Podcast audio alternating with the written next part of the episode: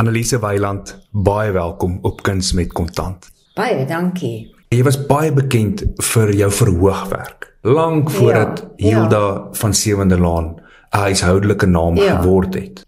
Hoe het daai rol jou gevind en was jy vir 19 jaar lank Hilda omdat dit vir jou 'n standvaste inkomste voorsien het? Want 19 jaar is 'n leeftyd Ja, dit is 'n lewe. in een rol. Ja. Jy het gesê dit het vir jou 'n mate van 'n standvaste inkomste stroom verseker Ja. elke maand sal ek dink. Ja. Maar sou jy sê dat dit was die hoofrede om vir jou ook onderliggend standvastigheid te bied om Hilda te wees of was jy net so gek oor die karakter dat jy al vir so lank wou speel? Ek dink die hoofrede hoekom ek so lank in die seep was, was finansiële redes. Ek het dit geniet om Hilda te speel en ek moet sê Dani het eintlik hy die karakter ontwikkel. Ek meen ek toe ek sewende laan begin ek was ek 'n soort van 'n baie beige karakter. Ek was 'n ontvangsdametjie.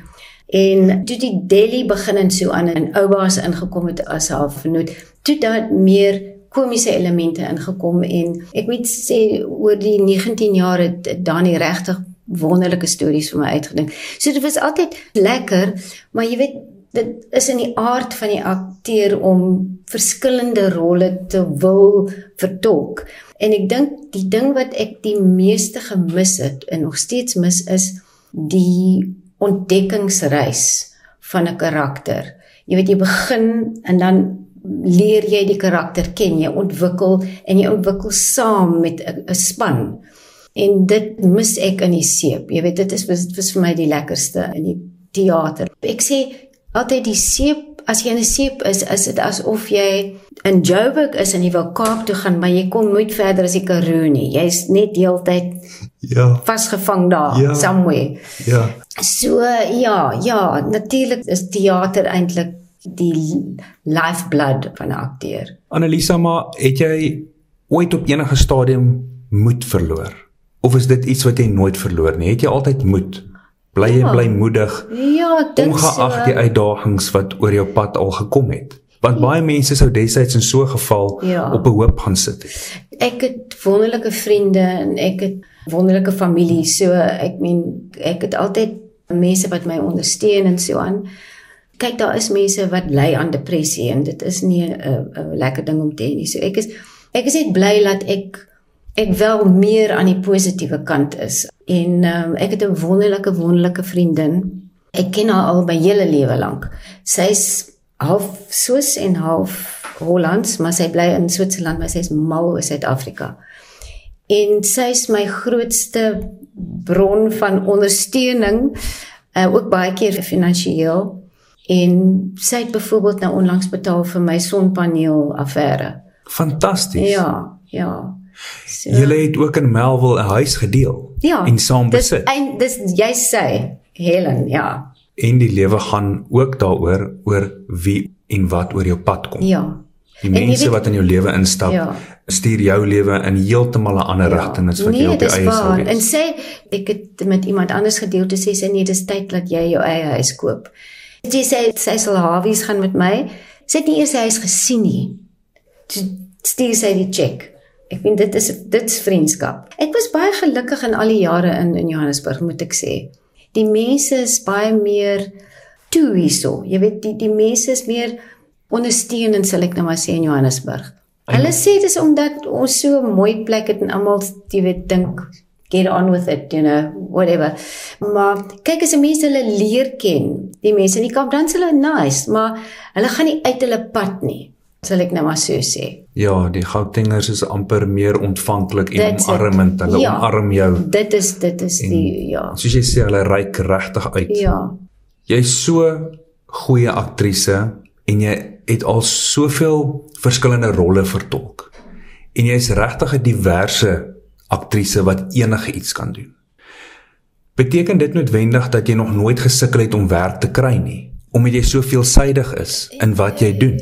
Nee, ek het gesukkel toe ek op universiteit was, het my professor Robert Moore vir my gesê Ek was so naïef in die begin. Ek het gedink hulle sê juvenile dan noem hulle dit mos 'n juve.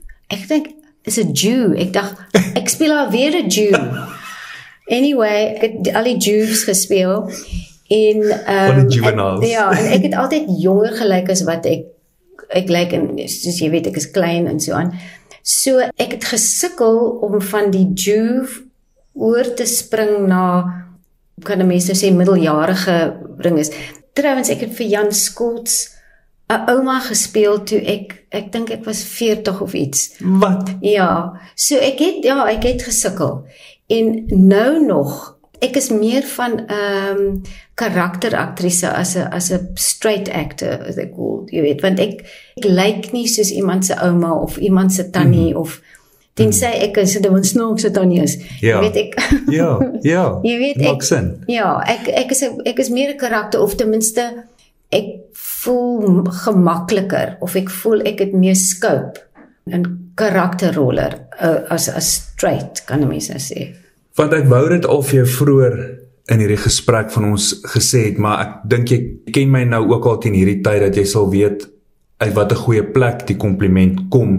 Maar enigiemand wat jou sien sal saam met my stem dat jy is 'n besonderse mooi vrou. Jy lyk jonk, jy's 'n baie mooi vrou en 'n mens kan sien dat enige iemand wat verwag het om Hilda te sien wanneer hulle by Annelisa Weiland kuier, gaan nie vir Hilda kry nie. Inteendeel mense sal jou nie herken as jy verby hulle stap in die in die straat en nie omdat jy 'n natuurlike mooi vrou is waar Hilda was vermom en ouer gemaak mm. en ons het Hilda leer ken as 'n ouerige vrou. Ek dink haar vibe kan jy nou maar sê was baie nou, jy weet haar wêreldjie is maar baie klein en haar wêreldjie het omgedraai om kos maak en ja ikebana en ouers gelukkig hou en haar chats met Maria en jy weet haar doen en late en so en so. Ek dink ek dink haar wêreldjie is baie klein. Ja. en ek sien nie myself as iemand wat 'n so 'n nou Glad vision van die van die wêreld het nie.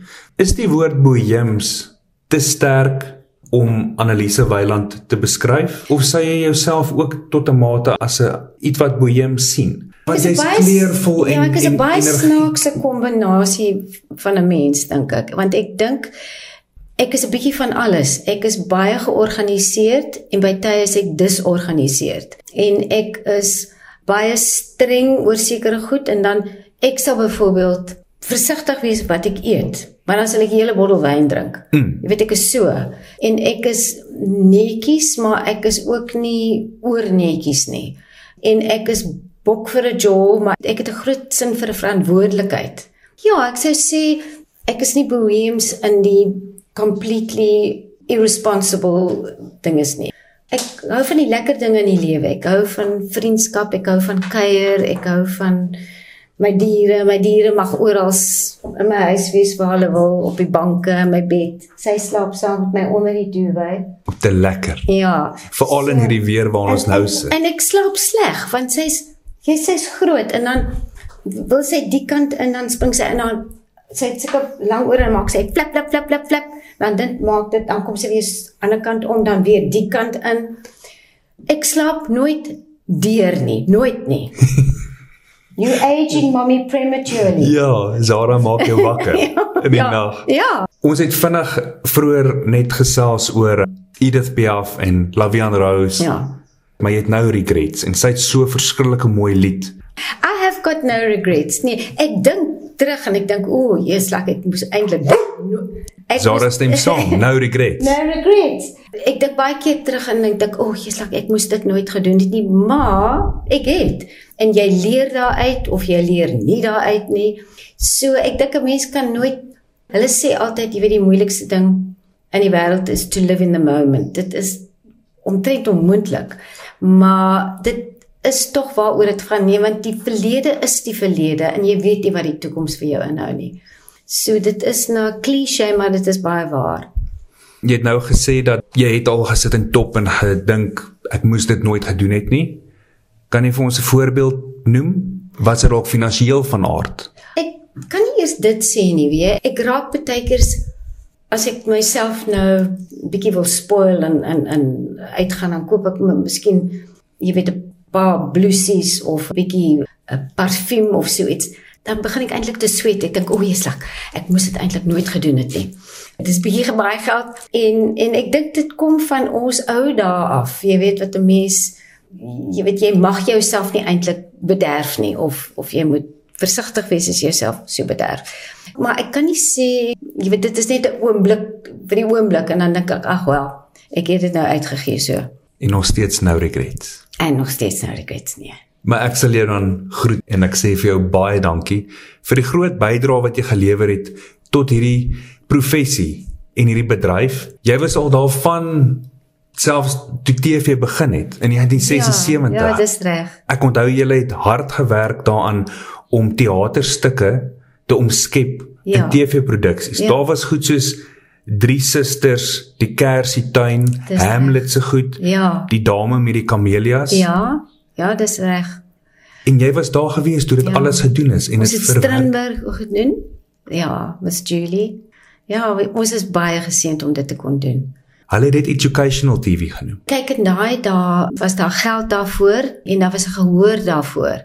Maar dit is 'n baie elites ding moet ek sê. Jy weet in in vandag se tye kan mens dink dis net so 'n paar persentasie mense wat dit sou kyk. So mense kan verstaan dat jy weet die sepies en goed is nou baie meer gewild.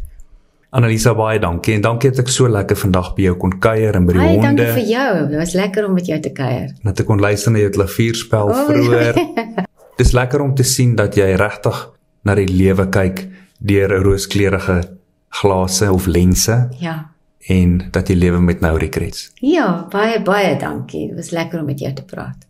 Vir 'n finale groet sê ek au revoir.